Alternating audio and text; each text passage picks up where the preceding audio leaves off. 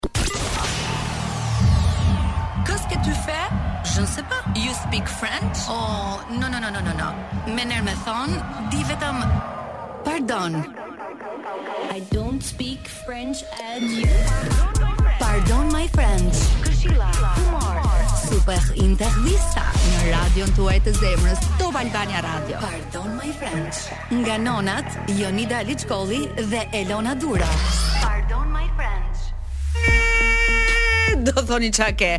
Jonida po bën një story si për të lajmëruar që jemi live tani në Top Albania Radio. A live jemi? A live? A, jemi shumë live, më shumë, shumë se live. live. Ja, ju themi që është 18 e 7 minuta e 24 sekonda, ne nuk kemi vonuar shumë, një javë nga takimi ynë i fundit me pardon, po sot do të jetë një program krejt ndryshe. Mm, Sot kemi një program për... që unë jam e sigurt në në shijimin që do t'i bëjmë këtij këtij pardonit të të kësaj të mërkure me shi, me melankoli, me romancë, dikush në shtëpi me grykë, dikush në shtëpi me temperaturë, dikush rrugës në trafik për t'u kthyer nga një ditë e lodhshme pune, qëndroni se është vërtet nga ato programet cilësore, do thoja. Do flasim për letërsi, dhe muzikë. Në pjesën e parë është Rita Petro, e cila po vjen drejt Top Albania Radios për t'u bërë pjesë e programit Pardon My French, dhe në pjesë të dytë do të jetë Pirro Çako që me sa duket ka vendosur të rikthehet. Ka vendosur pas katër vitesh të rik, të rikthehet në një triptik të cilin e kish lajmëruar dhe në rrjetet e tij sociale, po edhe pse ka dhënë intervista dhe ka qenë i pranishëm këtë kohë në media, në fakt me pikatore më tha mua, një mhm. program ngjesi edhe tek ne.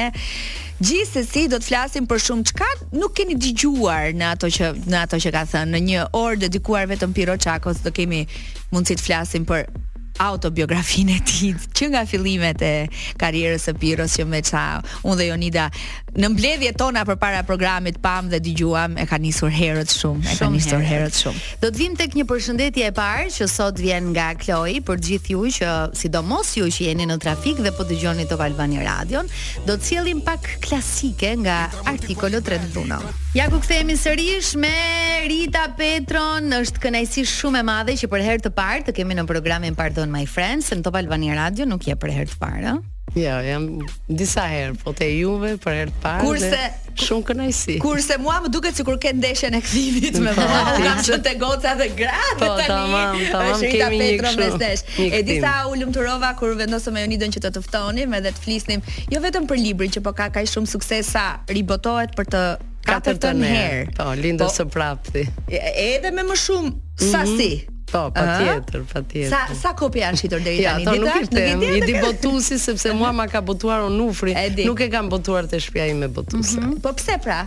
është një kënaqësi të ta botojnë të tjerë, të kujdeset një botues tjetër, je më i besueshëm. Mm -hmm. Kështu që këtë radhë ndrova. Unë mezi po pres ta lexoj, po me aq sa kemi hulumtuar në internet, edhe na kanë thënë miqtë tanë, kemi një ide përse është mhm. libri dhe këtu do të përqendrohemi në këtë pjesë parë të intervistës. Ëm uh, ta nisim tha Elona para se të vije në studio, ndoshta që prej fillimit. Kështu që mm -hmm. unë dua ta nis me këtë ë uh, jo se si e nise ti mm -hmm. dhe se si gjete frymëzimin për t'u bërë shkrimtare, po a ka qenë i vështirë ky rrugëtim deri këtu derisa u bëre një nga shkrimtaret më të mira mhm. që kemi?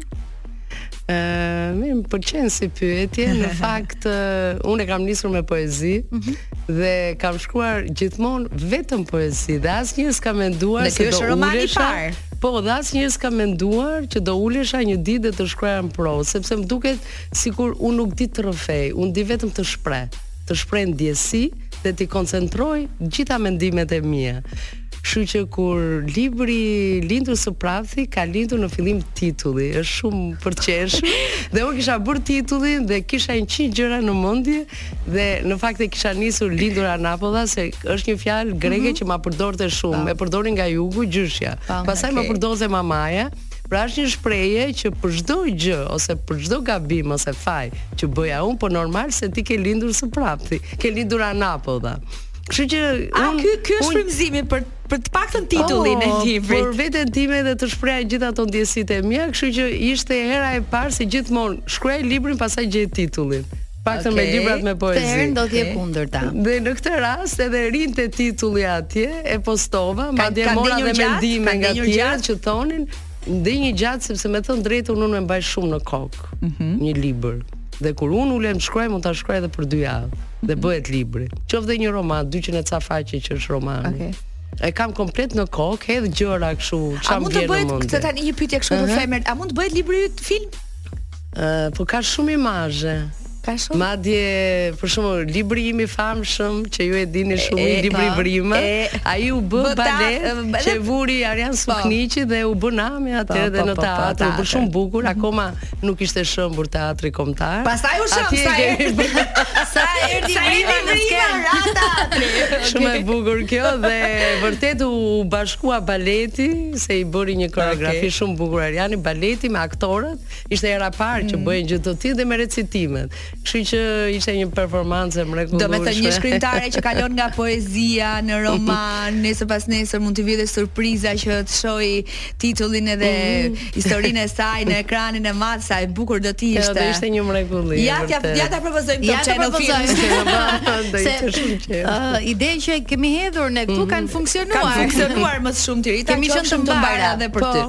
Patjetër, po besojmë pas vdekjes. No, jo, no, jo, jo, jo, të të shijojmë, jo, të shijojmë. Po, po. Ne, ne kemi shumë qejf të themi fjalët e mira për së gjalli, edhe kështu, siç është... Një libër dedikuar dashurisë, po këtu kam dëshirë të ndalem edhe të di më shumë për dashurinë tënde. Edhe se lexova shumë. Lexova mm. shumë në internet sot, lexova shumë, dëgjova edhe mm -hmm. edhe nga miqtë tash kam ftuar Rita Petron, ah sa bukur e tregon historinë e saj. Dhe pak a shumë e di, po dua Ta dëgjoj kështu sikur jemi të dyja të treja në një kafe, sikur po po pimë një kafe përpara me një oxhak mm -hmm. ose një gotë verë të kuqe. Oh. Ja kështu merr kohën tënde për ta treguar. Kam një fillim poezie që në një ditë me shi kam shumë qejf të rrëfehet. Po jo të pres çasin e vdekjes, po të rrëfehet. para teje ose para gjithë njerëzve dhe them vetëm të vërteta. Kështu që erdhe tamam si ato vargjet e mia. Jemi në shumë momentin e duhur. Njeriu gjen një moment që bie shi ose siç thatë ju pranë oxhakut nuk ka gjë më të bukur se sa të fillosh të rrëfesh. Tash rrëfimi im është i tillë që ë uh, Ne jemi takuar me partnerin tim, Lato i them unë, me Latifin Latif. Lato. Jemi takuar për ditët e Naimit, që ai e ka shkruar dhe ke romanin Kufiri, për ditët e Naimit në Tetovë dhe ne duhet të recitonim poezi dashurie. Dhe aty ishin mbledhur sepse bëheshin shumë të bukura festa. Tani sikur kam përshtypje kanë rënë ose mbase s'jam unë edhe kështu më mhm. duket. Po Lato po kishte lidhje fare, s'është i fushës. Jo, ishte i kimisë edhe i mjekësisë. Ishte farmacisë. Okej. Okay. Po ishte një njeri që kudo që futej gjithë, edhe gocat e pëlqenin dhe mund të pëlqente ah. shumë. Mënyrën si e pëlqenin edhe si komunikonte. Okay. me me vajza dhe gra. Ai burri që tërheq gjithmonë vëmendje. Po, burri që tërheq vëmendjen dhe unë nuk gjej asnjë poezi për Adeun. Më në fund gjeta një poezi, më kafshoi qeni i tërbuar që e kam keshia instinktit. Mm -hmm. Dhe tash kaq shumë i kishte bërë përshtypje sa unë isha me një pedagog që më ishte lutur hajde shkojmë ke ditët e Naimit dhe në momentin që unë recitoj këtyre iu duka një person shumë i çuditshëm, edhe na ftojnë për darkë. Ata ishin miqtë edhe një pedagog tjetër i gjuhës dhe ishin miq të Latifit dhe ai na mori në makinën e tij, po mendo ne ishim në 98-ën. Pra gati si ishin më shumë se 20 vite më po parë. Po mendo ti tetova në atë kohë na dukej një nuk e di, po, sigurisht po, po jo. Po shkonim jashtë jo, jashtë po, shtetit. Edhe jashtë shtetit, po mendo si ishte Shqipëria mbas 97-ës, ah. që ti kishe frikë, ndërsa atje futeshe në makinë dhe ishe shumë ishe qetë, nuk kishe frikë nga asnjë gjë. Mm -hmm. Pra rrugët nuk kontrolloheshin nga ba bandat. Edhe për çudi unë e kam akoma librin, i kam dhuruar librin. U futëm në një lokal me muzikë, këtij i afroheshin këngëtare, kështu thashë unë, që ka po interesuar. Ti iu afrove Rita apo jo? Iu afrove ti apo jo? Në momentin e parë jo, sepse ishte në ishte në tavolinën time dikush tjetër që më pëlqente. Okej. Okay. Mirpo, edhe atij si duket i pëlqenin sfidat. E pastaj të nesërmen shkuam në një lokal me muzikë që kërcyem. Okej. Okay. Dhe aty patëm një kimi. Të dy ishim të martuar. Sa bukur. Po ishte ajo po. kimia. Tashi kimia lind, unë gjithmonë e them, mm -hmm. ndjenja nuk është as e moralshme, as e pamoralshme. Ndjesia ti nuk mund të thuash ky njeri është i mirë apo i keq, ajo thjesht ndodh. Thjesht ndodh. Pastaj veprimet e tua mund t'i gjykojë kushdo.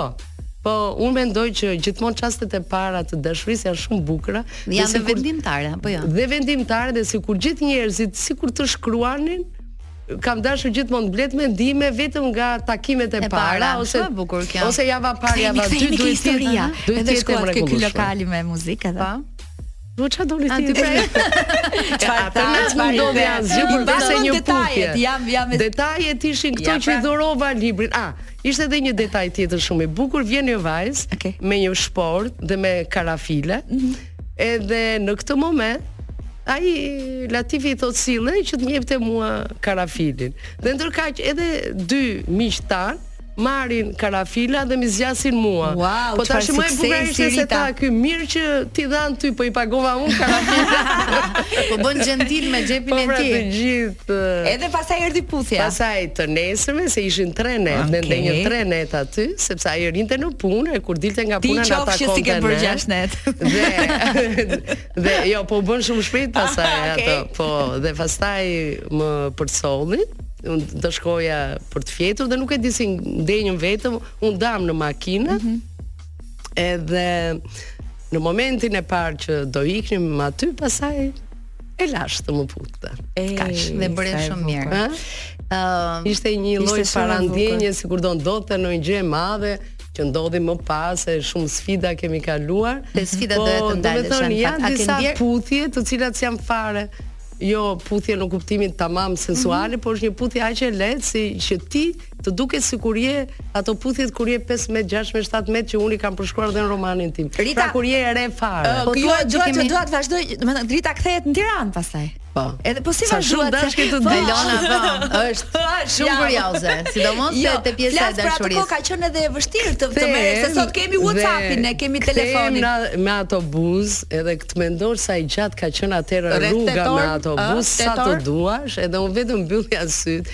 Kisha një dy Dhjetor. kolegë, kështu që vetëm më flisnin e më bënë, unë s'e kisha mendjen fare dhe mendoja, mbyllja sytë dhe mendoja vetëm atë puthje. O Ishte zot. shumë e që- Tani, ti the që kemi kaluar shumë sfida dhe pastaj ë, ndodhi çfarë ndodhi, ju u bëtë pjesë e njëri-tjetrit. A ke ndier paragjykim Rita?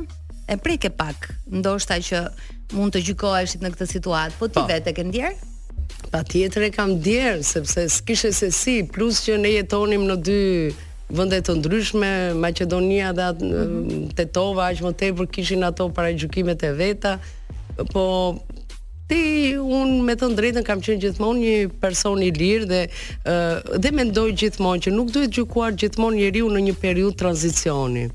Nëse gjithë jeta jote është një sistem dhe ti gjithë jetën e kalon me një lloj tradhtie dhe me hipokrizi është gjë tjetër dhe është gjë tjetër kur je në një tranzicion që duhet të zgjedhësh me dy dy njerëzve që ti i do shumë. Mm. Dhe mendoj se ky tranzicion do te njerëzit me karakter sepse ka shumë njerëz të tjerë pa karakter që thotë punë e madhe, kalon shumë kollaj nga një, nga dy, domethënë i kalon etapa dhe çdo gjë tjetër. Unë mendoj që sa më me karakter të jetë njeriu, aq më i përgjegjshëm është dhe ka nevojë, por edhe i guximshëm, jo vetëm e, me një lloj karakteri, duhet të kesh edhe fort, duhet të kesh edhe fort, edhe një grua e fort. Duhet të kesh edhe guximi, po prit një herë, po më vjen diçka që vërtet ia vlen që mhm. unë të ndërpres lidhjen, se s'dua të them shkatërroj familjen, mm -hmm. sepse s'e quaj shkatërrim, e quaj ndërprerje të një lidhjeje. Të një marrëdhënie. Të një marrëdhënie, martesore, plus që kisha dhe vajzën. Pra, mm -hmm. ia vlente të ndërprisja këtë, apo duhet shkoja me një njeri që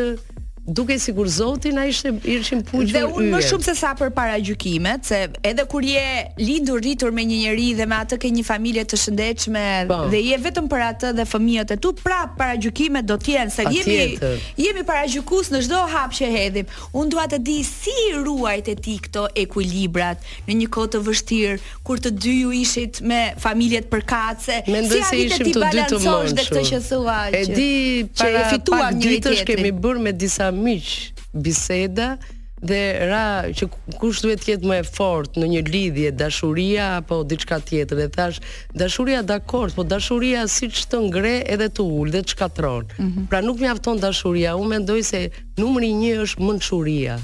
dhe mendoj se ishim të dy aq të mençur që t'i kuptonim situatat, që të merrnim një kënaqësi të jashtëzakonshme bashkë, që unë prandaj e quaj dashurinë më të madhe të jetës, pra të merrnim edhe kënaqësi, edhe të rrezikonim te njerëzit e dashur, po dhe të mos i humnim, të duronim. Mm -hmm. Dhe ta kalonim këtë tranzicion sa më butë dhe mendoj se ishin vitet e mia më të vështira, se sa kishim kisha hapur dhe biznesin. Po e shijojmë, me kaq shumë dashuri këtë intervistë Rita me Rita Petro. Mua dhe Jonidës na duket kështu me vërtet ekranizimi i historisë, sikur po e shohim dhe po. Ajo është për film. Ai është romani Kufiri që ka shkruajtur Latifi është po, po, vërtet po, për film. Po, po, po. E lamë tek pjesa që sapo kisha hapur biznesin dhe ndoshta Jo, kish që u ktheva. Dhe kthehem, kthehem në Tiranë, me autobus në një rrugë po. që s'mbaronte kurrë, sa e gjatë shumë ka qenë rruga. Edhe tani është e gjatë, po atëhere edhe më. Unë i lashë një pusullë. Në atë mm. pusullë ishte shkruar një poezi, kafenë pimë, llumi mbeti n'fund filxhanit, pimë cigaren, hiri mbeti në llumin e kafes e kështu dhe në fund fare ishte Dashuri nuk bëmë, shpresa mbeti në fund zemrës. Edhe ia kisha lënë, edhe e mbante, e kishte përkthyer. Ti e bëre këtë e para. Pastaj e kishte përkthyer serbokroatisht dhe ia lexonte gjithë miqve të vet atje, se është poezia e parë që ka përkthyer që ia la shumë. Dhe ndërkaq ai më la numrin e telefonit. Po unë thashë pse ta marr unë? E lashë. Okej, okay, siç bëjnë po, vajzat. Jo, pse ta marr, n'kuptimin që kaq ishte, ishte një gjë e bukur, ishte një kimi e bukur, edhe mbaroi. Dhe ndërkaq unë punoja në atë kohë te Libri Shkollor dhe ishte një korridor i gjatë, po shumë femra aty, shumë gra. Edhe sa herë binte zilja e telefonit se unë i kisha dhënë numrin e telefonit të punës dhe unë shkoja me vrap do ti, pikërisht në një moment që kisha zbritur për kafe e, e kishte marrë një kolege e punës edhe më thotë mua të mori filani edhe më dha Po, oh, pasaj u gëzova. Dhe prita se kishte thënë do të marr mbas gjysmë ore dhe i thashë mirë më merr në darkë se nuk flas dot te korridori i punës, se do flesh ke mamaja dhe më merr okay. ke më merr ke mamë tash me dot ja ato të folura kështu me zë të me me zë të ulur te korridori po ndërkohë që un kisha vërtet jo po çfarë celulari në atë kohë ata kishin në fakt un s'kisha ne s'kishim këtë doli pak më vonë dhe i shkruaj që unë i thashë kam një aktivitet në Strugë, kur e ke dhe vërtet kishim një aktivitet dhe mirë unë do vij patjetër. E pasaj. Dhe kështu. U takuam në Strugë. Në Strugë kam disa foto të jashtëzakonshme, kemi shkuar në Shën Naum bashkë, dhe unë e mbështesja kokën ke makina, sepse ishte, ishte makinë jo shumë e madhe, se më vonë, Kur u bëmë me makinë të madhe dhe kur fillon komoditeti, bënte gjithmonë shaka me mua, e më thoshte, atëherë kur ishim e, shumë të dashuruar dhe më, dhe të varfër, e, e, e afrohesh e ishim shumë ngjitur me njëri-tjetrin. Po, e sheh më thoshte që kapitalizmi i ndan njerëzit, sepse unë nuk kur afrohesha te kjo makina e madhe, nuk afrohesha dot që të mbështetesha. Po i bënim ato rrugice me makinë. Po flasim për një histori 20 vite më përpara. Po, 20 vite më përpara. Më shumë. Dhe un kam pas edhe një gjë që kam qenë shumë kështu, shumë entuziast. Po, se pastaj edhe u ndava dhe ishim më të lirë. Po ishte fillimi i tranzicionit edhe mbaj mend një herë që jam rrokullisur dhe i kam dhe fotot në në Në borë, e rrokullisur në borë nga lumturia. O Rita, jetuat ndonjëherë këtu bashkë apo të dy atje apo jo, si jo, si ish, apo gjithmonë shkonit vinit. Ai vinte këtu sepse ngritëm biznesin, pastaj mhm. filloi puna. Po. Filloi puna, po fillimisht jo, ta, vetëm takoheshim fillimisht. Vetëm takoheshim. Domethënë shumë më vonë filloi pastaj. Nuk nuk ishte problemi tek distanca, tek kufiri. Jo, unë mund të them vetëm kaq që në 22 vjet që kemi qenë bashkë Asnjëherë s'ka ndodhur që të rrim edhe kur jemi grindur, edhe keq, s'ka ndodhur që të rrim një orë pa folur dhe janë shumë vite. Dhe edhe kur ka qenë jashtë se zakonisht ikte që kujdesej për pjesën e Maqedonisë Kosovës, s'ka ndodhur asnjëherë që mos flasim telefon, mos i themi mirëmëngjes dhe kemi pasur gjithmonë orën 10 të mëngjesit dhe pastaj kishim darkën që i thonim natën e mirë përveç bisedave. Domethënë s'ka ndodhur asnjëherë që të flinit bashkë dhe ti të flije në kuzhinë. Kur uh, uh, ajo mund të ketë ndodhur, ajo mund të ketë ndodhur, mm, po jo pa folur absolutisht. Mund të ketë ndodhur ajo, mund të ketë ndodhur një herë ose dy herë, po që jo, në gjithë këto vite. Rita, uh, autorët uh, ose dhe artistët shpesh herë thonë që vepra apo krijimtaritë e tyre dalin nga ngjarje jo të mira, ndoshta të trishta, edhe kryeveprat e tyre mund t'i quajmë drama apo tragjedi. A, a ndodh edhe mhm. me ty kjo pra të frymëzojnë historitë e trishta apo të, ato të lumtura që ti kalon në jetë? në përgjithësi unë nuk merrem shumë as me trishtimin dhe as me lumturinë e madhe. Gjithmonë më pëlqen që të kem një lloj ekuilibër të ndjesisë, sepse arti e do patjetër ekuilibrin. Dhe prandaj kam kam në kokë tani poemën e mungesës që ia kushtoj Latifit, po prap do jetë filozofike sepse kam dash të distancohem, nuk pëlqejnë ato ndjesitë e çmendura në kuptimin sepse ajo, ato e prishin thelbin artistik. Mm -hmm. Keni parë ndonjëherë disa poezi që bërtasin fort Nga dashuria ose janë si qaramane. Asnjëherë nuk kam dashur, kam dashur këtë lloj ekuilibrin që ndjesia të jetë e fuqishme po të jetë brenda. Është një lloj si ajo. Të japë mesazhin edhe pa bërtitur dhimbje. Të jep të jetë me heshtje, me drithërim, kështu më pëlqen edhe kështu e kam dhënë edhe unë në poezitë e mia ose në roman. Cila është çmenduria më e madhe që keni bërë ju të dy? E e kam thënë një herë, ne kemi mbyllur sytë, i kam mbyllur sytë, kemi qenë duke zbritur nga kodra e diellit. Okej. Okay. Edhe se ai më kishte thënë mua unë e di përmendsh rrugën se vinim që të vegjël këtu për skije gjithçka okay. e me makinë, mirë tash unë ta mba edhe i mbylla sytë. Po tash ishte një dashuri aq e çmendur sa nuk e kuptoje se ç'a bëje. Dhe kemi ecur, kemi ecur pak. Dhe unë vinte kthesa dhe bërtisja. Kthesa! me sy mbyllur. Kjo ka qenë nga në libër flitet për kufi, për kufi shoqëror, familjar, kufi po. fizik që ndan të dy shtetet, po nuk e di a mund të pohosh ti apo të mohosh që dashuria juaj i kalon të gjithë këto kufijtë që përmenden edhe flasim herë pas here. Ë i kaloi, i kaloi me me shumë vështirësi se më pyetët po këtu paragjykime e di, tani ishte panairi i librit dhe nuk e di pse në një moment caktuar më bëri pyetje ë dikush me ironi se i thashë më duhet një stand, por në atë kohë ishim botues vegjël, shumë të vegjël, shumë pak libra kishim, nuk jemi si tani më të mëdhenj. dhe nuk do ta harroj kurrë, më është ngulitur në mendje që më tha, "Ah, ti je me atë maqedonsin." Po Latifi ti vinte nuk e di, do të thënë nëse urrente disa njerëz i urrente vetëm po t'i thoshin maqedon. Se thoshte po ne jemi shqiptarë, më ne çfarë s'kemi bërë për këtë Shqipëri. Po. Dhe më tha, "A ti me atë maqedonsin, çfarë do ti? Do stend, po ç'a ç'a ke ti, ç'a lidhje, ç'a bën ti me Maqedoninë? Ç'a bëjmë ne?" i thashë. Ne bëjmë libra dhe dhe e bëjmë. më detyroi që t'ia them dhe e di si kanë ngelur dhe nuk guxoi më askërkush të më thoshte më një fjalë. Shumë mirë. Kur i tregon pra, njeriu kur i thot gjërat me guxim, u gjithmonë them, po të pan si viktim, dijeni se jeni të humbur. Ama po të pan si luftëtar, ta heqin vizën dhe nuk merret më dhe njeri me ty. Tërhiqen. Ëm, um, ti the që un jam një shpirt i lirë, po A është e vështirë për një grua jo vetëm të cilësohet ajo si shpirt i lirë, po edhe të tjerët ta shohin si të tillë? Ë, është e vështirë s'është. Kur e ke prirjen, ti nuk bën dot ndryshe. Pra, nëse un kam një prirje t'i shkruaj ato vargje, nëse kam një prirje të shkruaj një art të lirë, Kjo prirje unë nuk mund ta ndaloj veten. Pra për mua nuk është se është ndonjë lodhje e madhe që të mund ta shfaq veten të lirë. Dhe si duket kjo ka ardhur kaq spontanisht. Natyrisht, sa pranda e kupton dhe tjetri. Kanë filluar të të pranojnë tani. Po unë e kam vënë re, ishte te radha në panair, vinin njerëzit, mosha të mdhaja, erdhi një burr i vjetër me kapele, kështu tha unë do blej Vrimën, po ç'ne i thash Vrima ka 10 vjet që ka dalë. Jo tha, se atëhere të kemi paragjykuar tha. jo tha unë kam shumë dëshirë, unë lexoj shumë libra tha dhe do ta lexoj me qef. Unë e lexova sot gjes për rikurtes. A është ky një libër uh, autobiografik apo është më shumë se sa kaq? Lindur së prapthi, po. romani.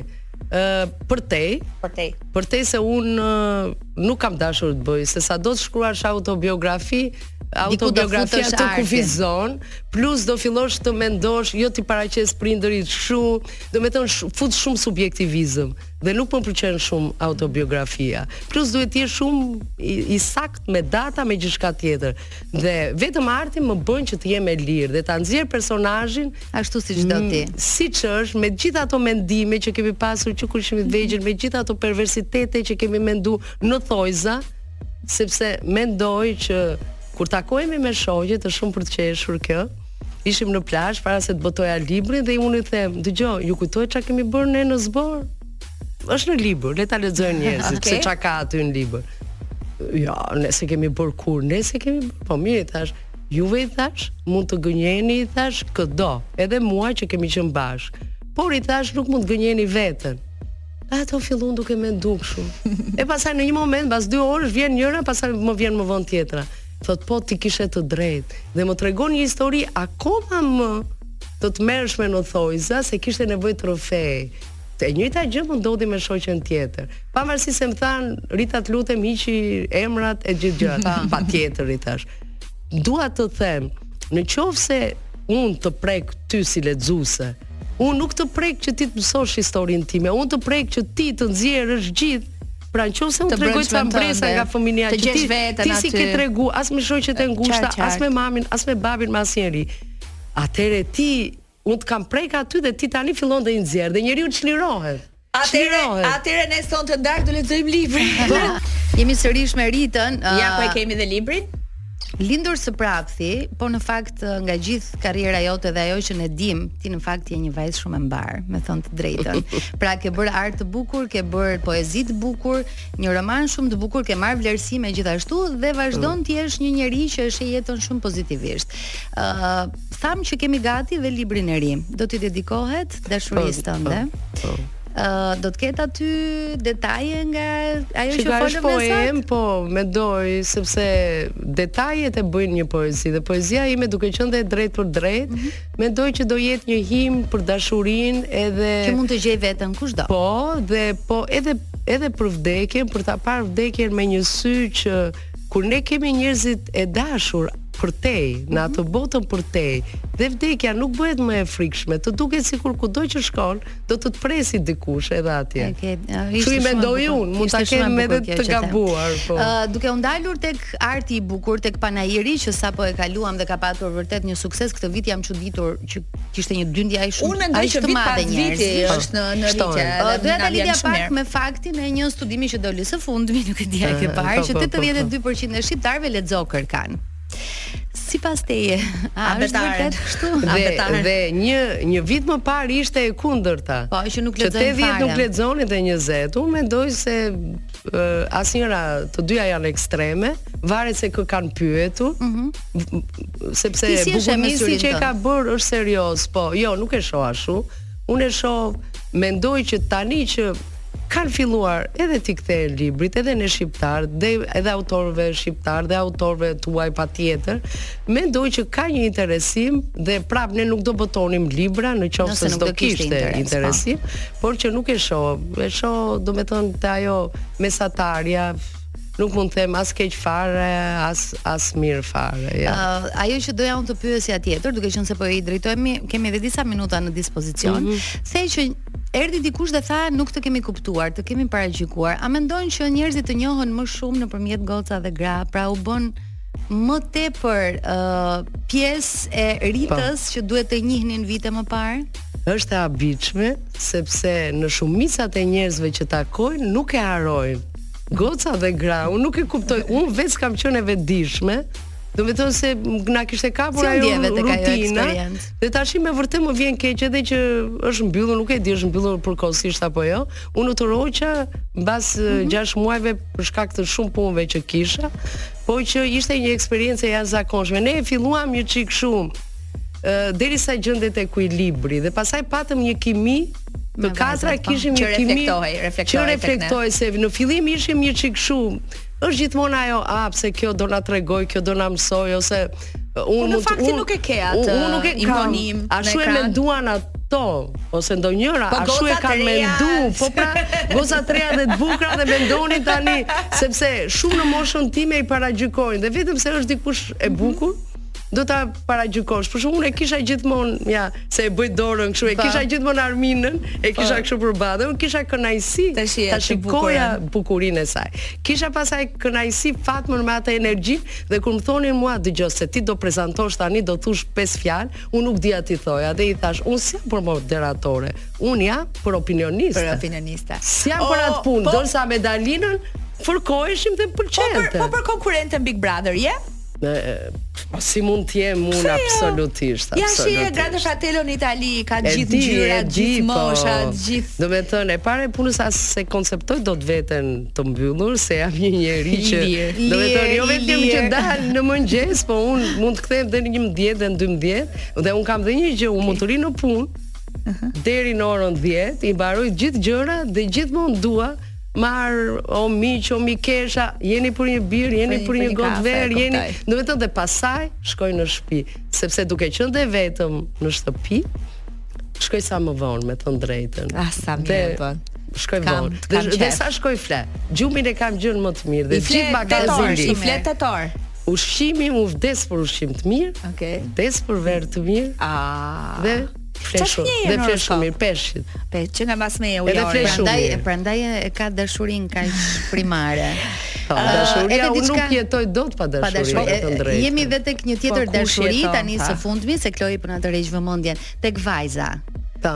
Domethënë marrëdhënia jote me të vazhdon të jetë perfekte, çfarë të thotë ajo tani? Tash i perfekte. Ne perfekte ka momente, ka momente që jemi si macja me miun, me të drejtën. Mm -hmm. Ajo kur ka qenë e vogël, më thot mua, ma kur isha e vogël, m'i kapje kaq fort gëshetat sa gjithmonë kam ëndërruar që kur të plaket mami, unë do t'ja shtrëngoj gëshetat fort. Dhe unë i thoja, unë do t'i pres flokët, do i bëj, do i bëj tu. Tani, jo, shkurtoj. Dhe e tregoj po pra, duhet me kujdes me me me gocat. është është shumë e lirë. Ë më gëzoi shumë në Panair se solli një vepër shumë të madhe që ishte bashkëbisedimi i Freudit me Jungun dhe me Sabina Spielrein. Mm, metoda më e rrezikshme që është bërë dhe film. E ka përkthyer. Dhe sollëm e ka përkthyer. Bravo. Dhe ajo e shpjegon shumë bukur sepse është edhe ka studi ka studiuar për life coach, si quhet ah, këto. Okej. Okay, po. do të thotë për tra trajnuese.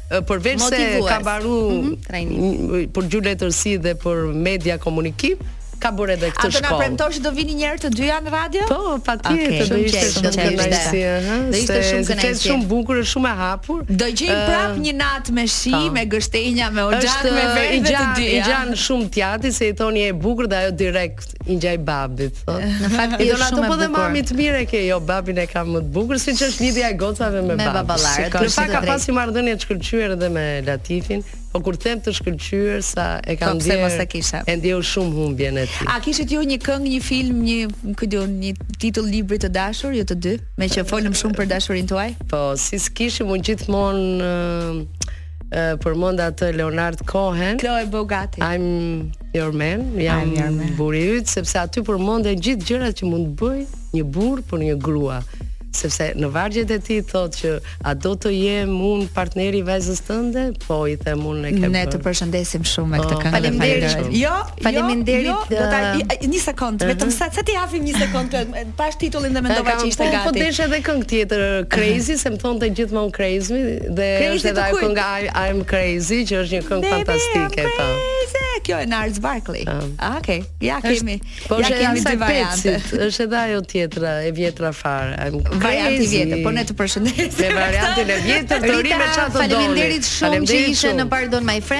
Që je shumë e këndshme si gjithmonë, edhe mirëpresim takimin e radhës. Me qejf. Ja ku jemi në pjesën e dytë të programit, siç ju thamë, do të kemi në studio një prej artistëve më të mirë që kemi dhe ai është me shumë kënaqësi në këtë studio. Zonja dhe zotërinj Pirro Çako është me ne në radio. Faleminderit. Është hera e parë që vjen në Pardon My French. Po, më duket hera e parë që dhe që më bëni ftesë. Me vërtet? Po. Jolita çfarë? Po. Është kjo është autorja dhe moderatorja e këtij programi dhe mund t'japë llogari. Në fakt, uh, kur ti punove me Elvanën dhe albumin e saj dhe rikthimin në një formë tjetër të të bërit muzikë, uh, unë kam tentuar të lidhem, por më thanë menaxherët uh, jo vetëm të Elvanës edhe albumit të saj, por më thanë që Pirro nuk ka dëshirë që të shfaqet për momentin, ndoshta ma kanë dhënë informacionin gabim.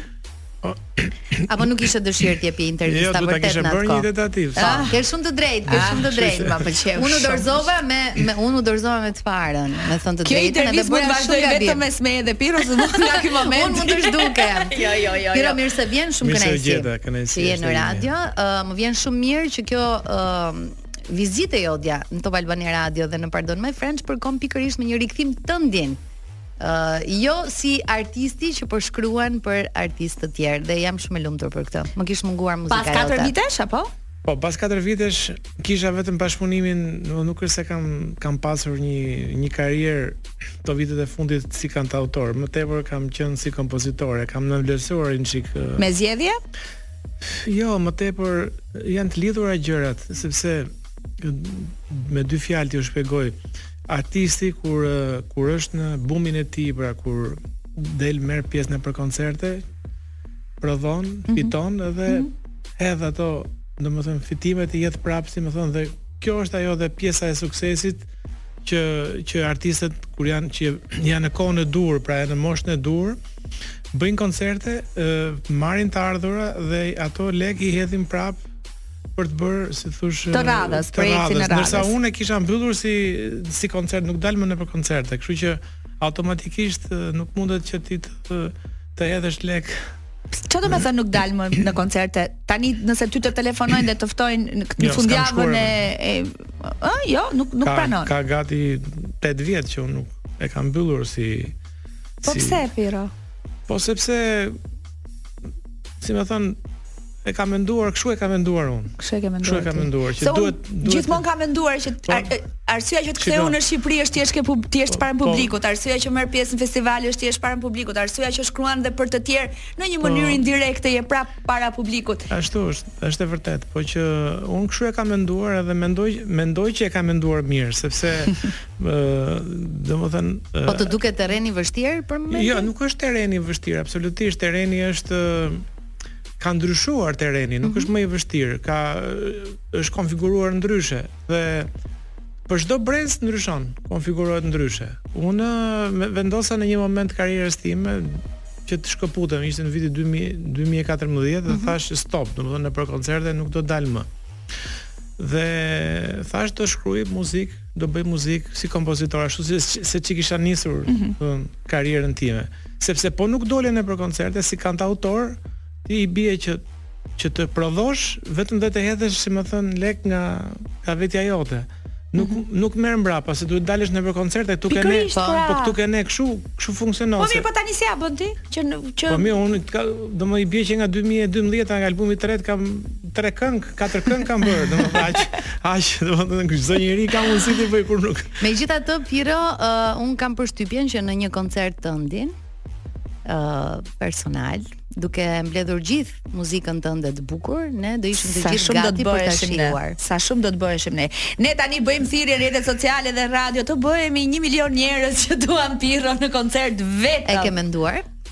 Unë e kam menduar dhe e kam thënë po në këtë studio kur isha i ftuar para 15 ditësh që që unë nuk i them punës jo, mm -hmm. por s'jam as menaxher, as jam thjesht kompozitor. A ke vështirë të bësh këtë ja, zinxhirin tjetër, pra. Atë s'e bëj dot. Pra, dhe, dhe marrësh përsipër edhe në, në, në fazën që jam unë, është një çik vështirë që të që një menaxher ta marrë përsipër përsipër sepse un thash kam dal nga logjika e e koncerteve edhe nuk jam më objekt si me thënë nuk mund të marr un sponsorizim sepse ka të tjerë që që janë më atra, atraktiv po jo po kjo është e vërteta duhet me qenë realist për ca gjëra ë uh, un mund të bëj vazhdoj të bëj muzikë të bukur kjo është njëra anë e medaljes ana tjetër duhet të jesh edhe si me thënë në atë tregun e kohës që kërkon që kërkon tani nëse do momenti të, nëse do të mbetemi te kjo që po thua ti Elsa Lila u rikthye mm, po ashtu me një koncert dhe ti ishe pjesë e atij koncerti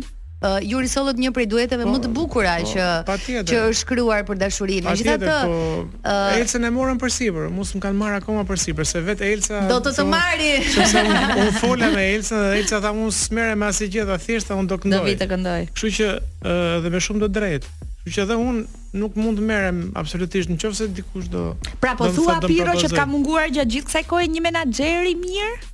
Po nuk mund të Apo s'e ke kërkuar asnjë? Jo, unë e lash në 2014-ën. Domethënë nuk iu ktheva më kësaj pune sepse një menaxher çfarë do bëj me mua tani? Unë nuk se dal për koncerte dhe jam fitimprurës, domethënë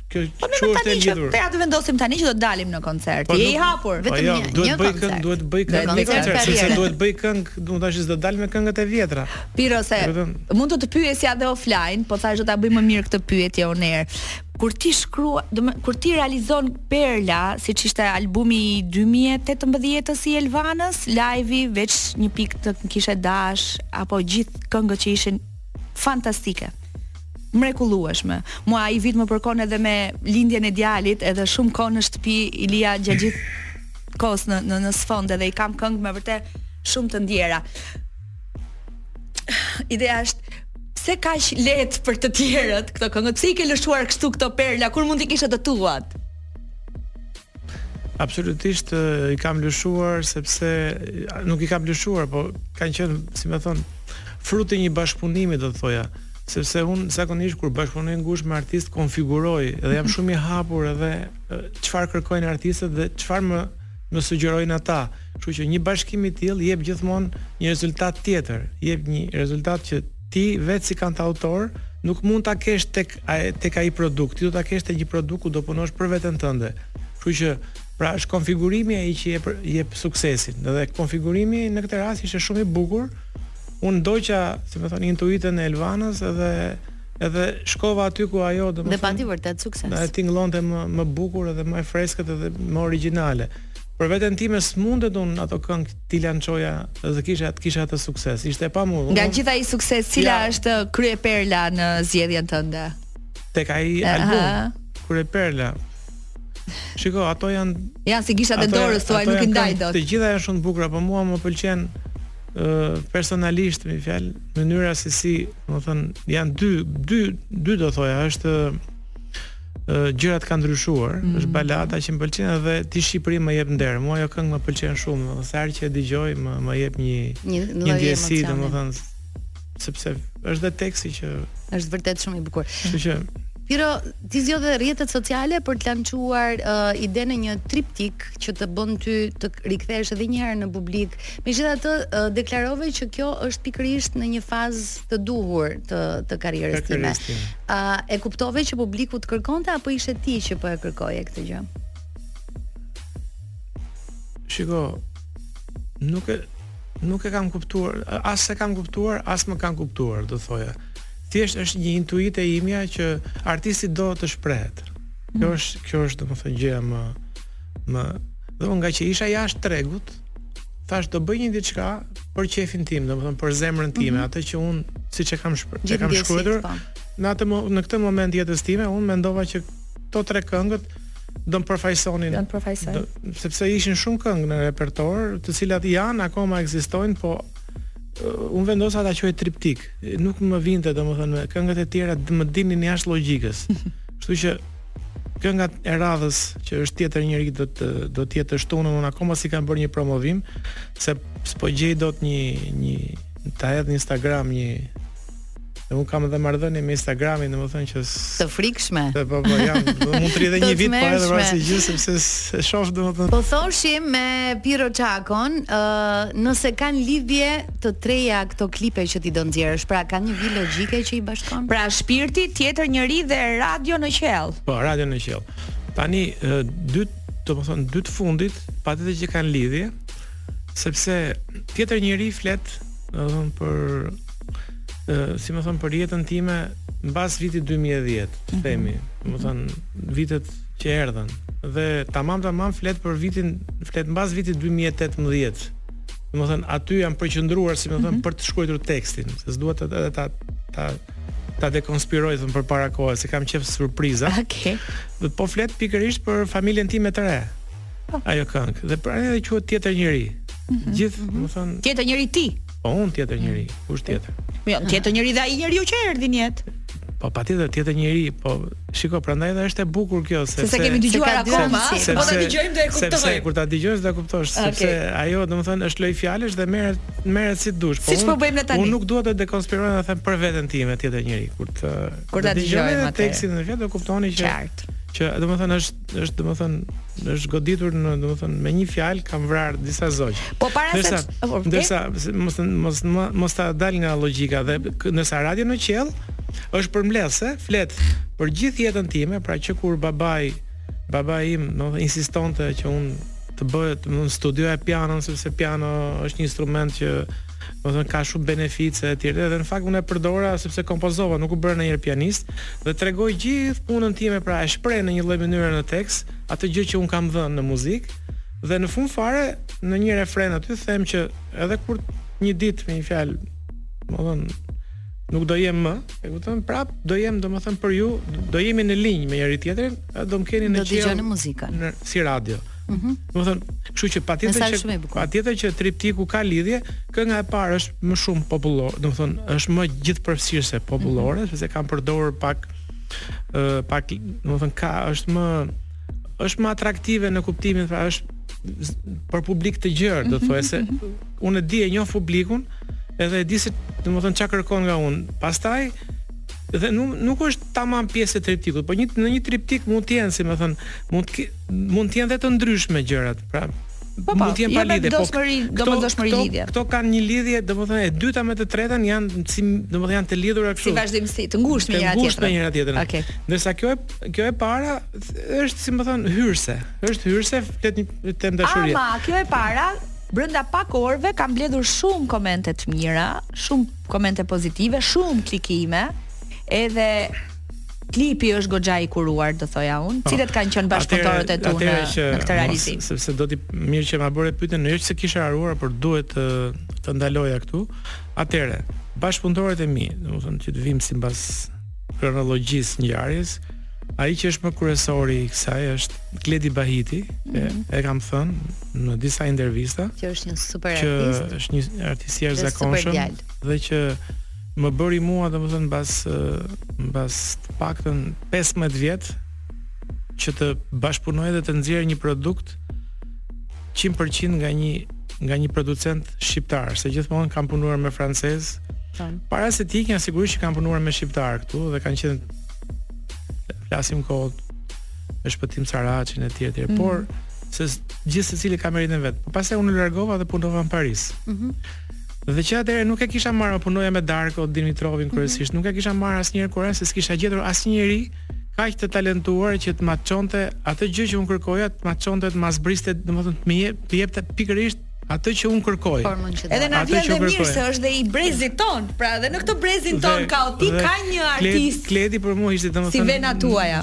Unë unë e kisha dëgjuar dhe njiheshim kishim punuar edhe më përpara, po jo kaq ngushtë, pra i thash siç e kam thënë edhe në aty në në Instagram, ai është gjysma gjysma ime në këtë projekt. Mhm. Domethënë ka punuar me një dashuri të jashtëzakonshme, u përfshi tërësisht dhe falë tij domethënë që kjo vepër ky tri, ky triptik është kaq selektiv dhe do thoja që Kjo është kënga e parë që është gjithëpërfshirëse dy këngët e tjera janë, domethënë, hyn në një stad shumë intelektual, mm -hmm. që un kam dash vetë t'i bëj sepse fati i mirë është domethënë që i prodhoj vetë dhe nuk kam frikë se se s'do dalë në koncert, kështu po. që kam qenë i lirë. Vazhdo të bësh ç'të duash. Kam qenë i lirë për të shprehur, për të shprehur jashtë tregut, për të shprehur atë një gjë, domethënë në një moment të caktuar. Shumë të ndenë, shumë të ndenë. Kështu që po dhe pastaj. Po pse nuk e morëm me audio ne vetë të tjetrës? Dhe Kë, aha, aha, ja, ja, ja, surprizë e kishim ekskluzivitet. Kledi Semanaku më prezantoi, domethënë mm -hmm. më lidhi me Full Moon që janë mm -hmm. Klaudia dhe Eli, që të cilët domethënë ishin shumë entuziastë sa i dëgjuan këngët, domethënë u përfshin më njëherë, më thanë që patjetër që ne do t'i bëjmë, domethënë këto këngë me me klip, me një kurim të jashtëzakonshëm, sepse këto domethënë meritojnë që të jenë vërtet ky triptik të jetë të jetë të dali sa më sa më i bukur dhe vërtet ashtu kënga e mhm. parë janë tre klipe të ndryshme. Ky pra unë kam kërkuar i thash Klaudias që dua një një gjë të thjeshtë, nuk dua një gjë që unë të jem aty protagonist, domethënë me me imazhe nga afër. Dua të jem sa më në hije, sa më thjesht, sa më modest, mm -hmm. do mhm. thoja, po në të njëjtën kohë edhe sa më domethënës. Edhe më duket se Klaudia e ka qëlluar klipin e parë. Ndërsa klipi i dytë është familjar, është me ngjyra, është me diell, është shumë i bukur. Dhe që del të shtunë. Del të shtunën. Ah, sa mirë. Bëhuni gati të shtunën për ta parë. Akoma s'kam gjetur një cover që të hedh në Instagram. të hedh një, të hedh një parapërgatitje. Kur ta po- gjesh na e nis, i bëjmë një po, shpërndarje kështu virale. Po besoj nesër do duhet të hedh diçka sepse okay. nesër është e enjte dhe të shtunën. Super. Dhe pastaj është kënga e tretë që do dali normalisht Këtu thonë që nuk dilet në dhjetor me videoklipe, po un do ta do ta do dal sepse ku di un kështu kam dëgjuar këto artistët që thonë sepse është muaj i vdekur, ku di un se. Qyqa. Po s'e di unë është muaji më i gjallë e Ai është muaji më fantastik. Por unë do të dal. Thyeje këtë mit të lutem Piro. Unë do të dal datën 16, siç e kam thënë çdo 3 javë. Do dal me Radio në qiell që mbyllet dhe triptiku. Dhe pastaj mbasi të mbyllet triptiku, ë sigurisht do rri pak në pauzë, Por kësaj radhe e premtoj domethënë që nuk do rri shumë gjatë. Do rikthehem, nuk do rikthehem më vetëm, sepse atë që unë desha të thoja kisha shumë kisha shumë frikë në fakt që të fillimisht kur u riktheva thash desha të bëja bashkëpunime, pastaj thash po pse do t'i bësh bashkëpunimet? Më mirë bëj atë që që ndjen, që ti jep mm -hmm. zemra sepse ë nuk kisha presionin e tregut. Kjo pra mm -hmm. kjo është mhm. shumë e rëndësishme. Punova jashtë kësaj gjëje, bëra dhe Thash po dal vet. Mm -hmm. Po mhm. bëj tre këngë. Po po bëj një triptik sepse kshu më erdhën dhe s'i kisha menduar sepse krijimtaria vjen vjen ashtu. Ideja, domethënë, dhe ajo domthon fillon dhe del gradualisht, ti nuk e di kur nisesh se ku do mbërrish. Mm -hmm. Dhe kur mbërrita në këtë pikë, thash kjo është, thash nuk po e pret. Po pse një artist me kaq shumë vite karrierë, edhe po. kaq ndër të parët në në tregun tonë. Vërtet nuk e di ku do arrijë pas një jo, publikimi të tillë. Jo, sepse nisa për e për të bërë një EP me 5-6 këngë. E mhm. kuptoj. Dhe unë i bëra 5-6 këngët, po vend nuk kishte më për të futur këto të gjitha këto këngë. Unë pash aty që këto të treja e meritonin që të rrinin domethënë të shihnin dritën e klipeve po, sa i ke situr sa i paske situr dhe atëherë thash do ta bëj triptik thash dhe pastaj do vazhdoj këto këngët që i kam realizuar mhm. janë dhe dy të tjera do t'i nxjerrësh në formë single Jo, i kam single, po po mhm. mendoj që t'i bëj bashkëpunime. Kam shumë artistë, domethënë dashamirës që sigurisht që, që ne duam emrat. Jo, jo, një prej, nuk mund të them sepse prej, varet se si do varet se kush do bëhet, do e jo. bëhet për, për shembull do bëhet një lloj prove në në mikrofon, i rri, s'i rri kënga. Nuk e kam menduar akoma, por Nuk ke një pesë që për shembull që ke një jo, pesë pesë jo, emra. Jo, kam, po që do bëj disa bashkëpunime, ndoshta ndoshta do bëj dhe bashkëpunime më të gëzuara, se këtu është pak album, domethënë është realist si album, edhe nganjëherë duket është funny, nganjëherë është i trishtë. Është nganjëherë të bën të mendosh se sa e shkurtër është jeta, sepse do ta dëgjoni këngën e tretë.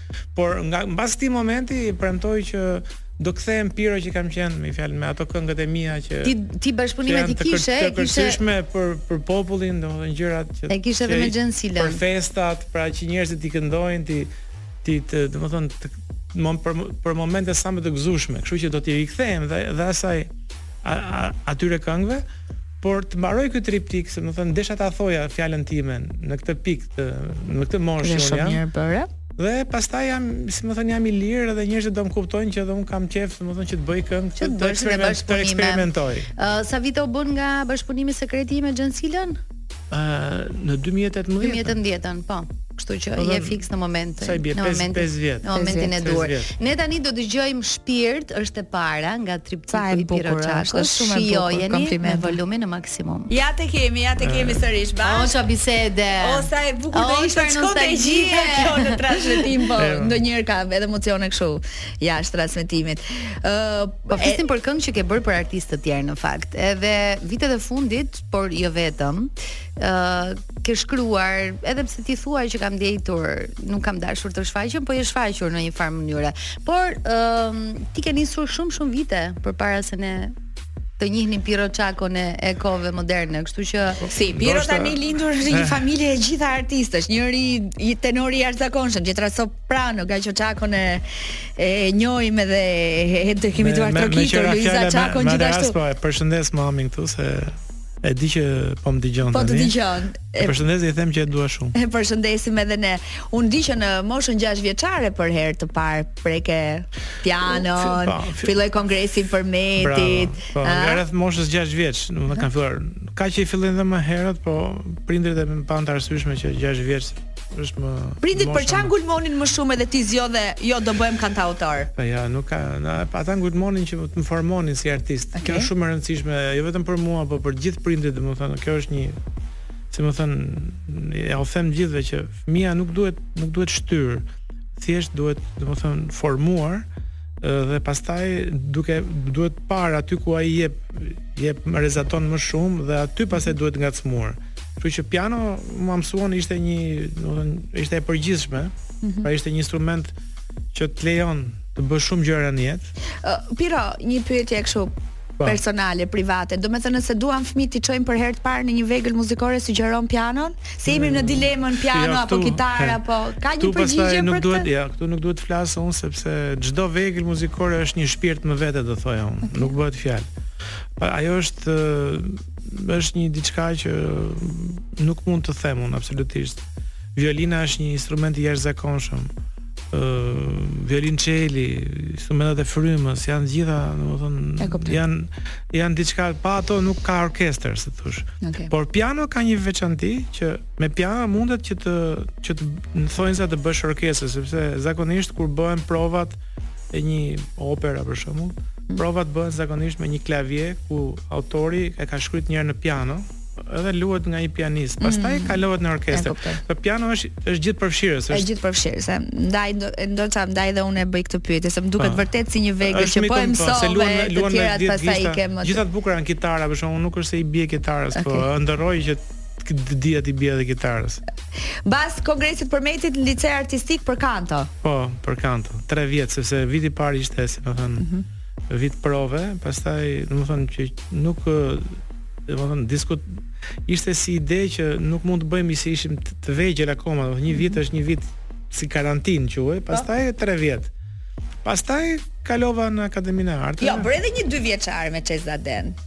Po, kam bërë dhe Ha, mi Elona, e di më mirë se Pirro uh, Unë jo pa qëllim po thoja po që ti ke shkruar shumë edhe këngë për veten Por e ke eksperimentuar në në zhanre të ndryshme, ke ritëm, ke balada, ke gjithçka aty.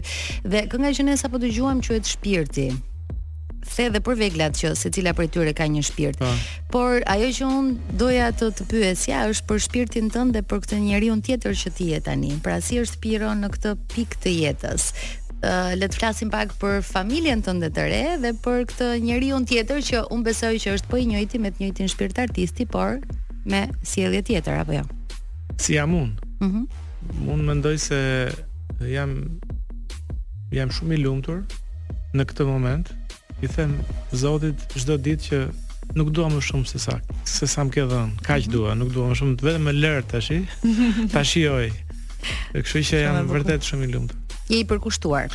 Patjetër jam i përkushtuar. Thash do të do të Domethënë nuk dua të flas sepse domethënë kënga do do do do ta zbuloj. Do ta dëgjojmë të shtunën. Tërësisht i fal përgjigjen. Një këngëtar i cili ah. rendit pafundësisht shumë bashkëpunime. Sa do thoja? Po, po shumë bashkëpunime. Doja të ta lidhja edhe me pjesën a ke ndonjë të po. preferuar? E preferuar. Nga këngët që ke shkruar për veten ose për të tjerët, por edhe nga bashkëpunimet që mund të. Ata që janë bashkëpunimin më të bukur? A është ai i vitit 99 me babin, Gaqo Çako, në Në Këngën Magjike Romancë, duket. Patjetër, patjetër që Romancë quhej? Romancë quhej. Po. Patjetër që ai është, domethënë, është premtimi që unë dhash që do të kthehem, se babi babi më thoshte gjithmonë që po kur do kthehesh, pse e ke lënë, duhet mjaft, duhet patjetër se vendin e ke lënë bosh, vendin tënd duhet të shkruash muzikë, nuk duhet të rrish, Vitet kalojnë edhe nuk kthehen më. Edhe aty në atë këngë ë janë thënë disa fjalë që mos autori i tekstit është Jorgo Papingji, që e mhm. përshëndes, mm -hmm. e kam shumë për zemër. Edhe që thot un do të vij, do të vij patjetër, thot. Mm -hmm. Edhe në pianën tonë thot do të ngjallim jetën, si me thënë. them unë, e kupton? Edhe kjo është dhe ideja edhe që që në atë moment kështu ndodhi, unë nuk nuk, si më thon, u ktheva, u ktheva një herë s'ishte aq e thjeshtë, po u ktheva një herë me me u ktheva jo fizikisht, po mendërisht u ktheva këtu. Pastaj gradualisht, gradualisht u bë dhe çvendosja. Mm -hmm. U bë dhe çvendosja që erdha përfundimisht në 2007. Nuk por, nuk besoj se je penduar ndonjëherë që je rikthyer. Nuk jam penduar as që jam rikthyer, nuk jam penduar as që kam qenë në Paris, mm -hmm. sepse Parisi më ndryshoi si një si njeri në atë fazë të parë të, të jetës time. Mm -hmm. Un un isha autor i disa këngëve dhe nuk e quaja veten kompozitor, kisha shkrujt po themi këngën me Parashqevinë E duam mm -hmm. lumturinë apo fantastike. Më e bukur. Jemi zemrat e çdo moshe, horoskop. Tetëdhjetetetën, tetëdhjetetetën e ke po, nisur për herë të po. parë, ëh, Pirro, shkuash. Po ishte edhe horoskopi, ishte edhe veç një herë jetojmë që janë kanë qenë të Irma Libohovës. Që janë super këngë edhe sot. Horoskopin po. e dëgjoj. Se ti e ke bërë? Po. Dhe dhe pastaj 92-shin unë ika, u largova. Edhe 8 vjet nuk nuk shkruajta, domethënë. Më jam kthyer një herë këtu në Shqipëri vetëm një herë. Pas shtatë vjet, nëntëdhjetë e shtata? Dhe unë unë, domethënë u U ndryshova si artist, domethënë mora një tjetër dimension në Paris, okay. sepse kuptova domethënë se sa i rëndësishëm ishte teksti, domethënë për sepse erdha me mendjen që të bëhesha kantautor. Dhe ashtu ashtu ndodhi, në bashkëpunimi i parë ishte në 2001-shin me me Rovenën, mm -hmm. Për një çast ndali zemra. Po e fituese. Super këngë edhe sot. Dhe kënga ime e dytë do thoja se ishte me Redon Makashin apo? Në 2002 ishte Fale njeri dashurinë, është me Redon Makashi. Që dhe ai është një duet që unë kam shumë për zemër, bile seç i kam thënë Redonit që duhet ta rikthejmë sepse kam gjet kam gjet një formë shumë interesante që do do të tingëllonte shumë kontemporane tani. Prandaj thashë që ë ardha ishte në kohën e duhur edhe ika ime ishte në kohën e duhur, sepse mhm. unë ika si një do të thoja si siç mund të ikë nga Shqipëria, nga një vend që kishte vuajtur 50 vjet, domethënë. Mm -hmm. Nuk kishte dhe s'dua të flas, domethënë t'i them gjërat, po që të gjithë e dinë se çfarë dua të them. Dhe erdha mbas kaq vjetesh një njeri tjetër, bëra edhe një kompozicion, domethënë një shkollë kompozicioni atje për muzikë filmi dyvjeçare që më dha biles jo jo rastësisht, domethënë shkruajta një nga këngët e mia më të bukura për çast ndali zemra sepse atë vit Mbarova dhe në dy mijëshin e mbarova atë shkollën dhe në dy mijë e njëshin shkruajta për një çast më ndali zemra që ishte ishte ishte këngë ndryshe nga të gjitha ato që unë kisha shkruajtur më përpara. Pra, albumi i parë është i shkruar në frymë. Mhm. Mm më është orkestruar nga një francez. Mm -hmm. Prandaj është dhe aq origjinal, se ishte çuni i ri. Ëh, bile shpesh më thoshte që Nuk shkrujnë njerëzit kështu, domethënë, ti se ke shumë komerciale muzikën, thosh, muzika është shumë më komerciale, po mua më pëlqen domethënë që ta punoj muzikën tënde, domethënë, më inspiron. E kuptoj. Domethënë, është e shkruan domethënë në një formë të rrallë, si më thon, as për mirë as për keq, po domethënë që je gjithmonë nuk je aty ku ku rref, si më thon, ku rref ajo ë masa. Po, je gjithmonë, domethënë, më i më i më i përmbajtur. Je më i përmbajtur, ndoshta dhe më i veçantë. Duhet ta ndalojmë prapë bisedën se ka po bisedën, më fal shumë. Jo, më do harroj unë gjëra. Jo, jo, të kujtojmë ne. Të na falni për frëngjishten, po, po ne mbetëm në Paris. Në Paris ishim, në vitet e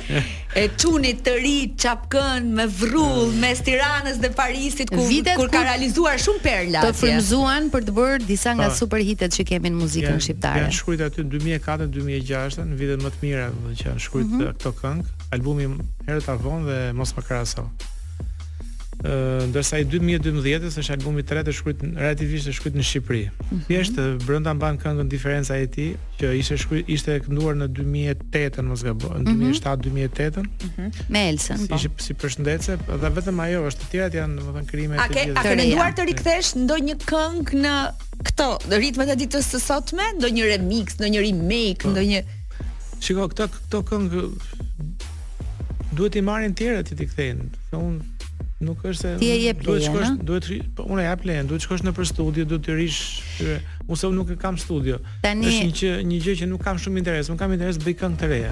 Kuptoj. Sa të jem? Të kesh frymëzim të ri. Që të që të ngelen se ato ngelen, e kupton? Këngët ngelen. Ne po flisnim edhe për këngën Kuturu, Pirro po thoshte që edhe atë e kam realizuar në Paris, por unë dua të të ngacmoj një çik, të pëlqen më shumë e kënduar nga Aleksandër Gjoka apo nga ti? Shiko. Sandri e bëri hit këngën, por në fakt unë e kam kënduar përpara Sandrit, sepse kënga ishte pjesë e albumit, herët a vonë, Dhe uh, atë vit unë isha mora pjesë në Këngë Magjike dhe Arditi si producent, domethënë kishte rastin dhe komoditetin, domethënë që ta dëgjonte një pjesë të mirë të albumit që unë kisha realizuar dhe më thotë që unë kisha unë këndova baladën Unë, ai, ti, ajo Mhm. Që është edhe ajo shumë e bukur. Dhe më thot mua po këtë këngë thot thash unë këtë e kam bërë e kam bërë mbushëse nuk është se mbushëse të gjitha këngët e mëdha kanë një histori shumë të vogël. Se atëherë ishte si ishte si modë që sa më shumë këngë domethënë dhe aq më i fuqishëm është domethënë autori, e ke parasysh.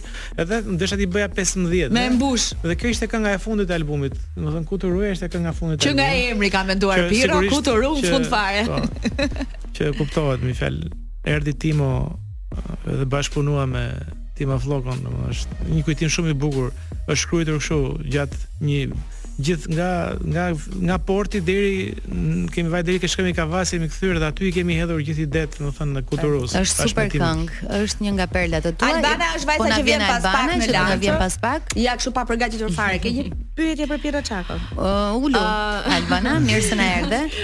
Më kam filluar më vendosin kështu tani të të bëj pyetje. Përveç se jam një fansje shumë e çmendur e muzikës së Piros, mbrëmë kam dëgjuar shumë këngë, po nuk e di nëse ju e keni pyetur apo jo. Kë ke bashkëpunim të preferuar me Elsa Lilën apo me Rovena Dilon? Apo me Elvana Gjatën apo me Shiko. Gjezilën? Ne ne në fakt i thamë Atë dyshen. bashkëpunimi i preferuar, po zgjodhi Edhe atë me Redonin, edhe Shiko, nga këto të dy janë se mund se mua pëlqen shumë Unë kam shkruar shumë shumë duete, duhet të kem në repertor 11 duete, domethënë se besoj që asnjë s'ka realizuar kaq shumë duete sa unë, sepse e mora francezët e kishin shumë qejf duetin, edhe bënin konkurse kush është dueti më i bukur. Mm -hmm. Edhe unë që aty u inspirova, e mora si formulë dhe fillova domethënë të shkruaj duete. Unë nuk i ndaj dot duetet, sidomos ato dyja që janë domethënë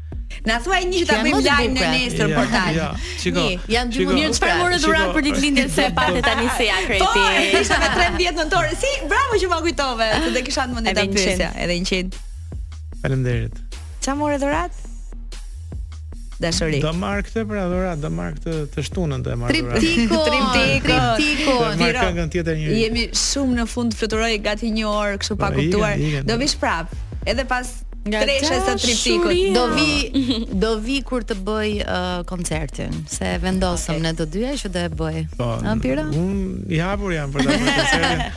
Po që inshallah Unë mendoj që duhet ta bësh me gjithë njerëz më shkruajnë edhe në Instagram. Me gjithë këto hite që që i ke lënë muzikës shqiptare, duhet një natë Pirros e dedikuar për muzikën. Edhe Pirro and Friends. Faleminderit që ishe me ne sonte. Faleminderit të paç suksese, shëndet. Dhe do rishikohemi pra. Dhe sa më shumë krijime të tua artist që vin gjithmonë perla tek ne. Faleminderit. Albana, hë, si e kemi sot programin? Do shkrihemi në qiell nga dashuria. Nga dashuria.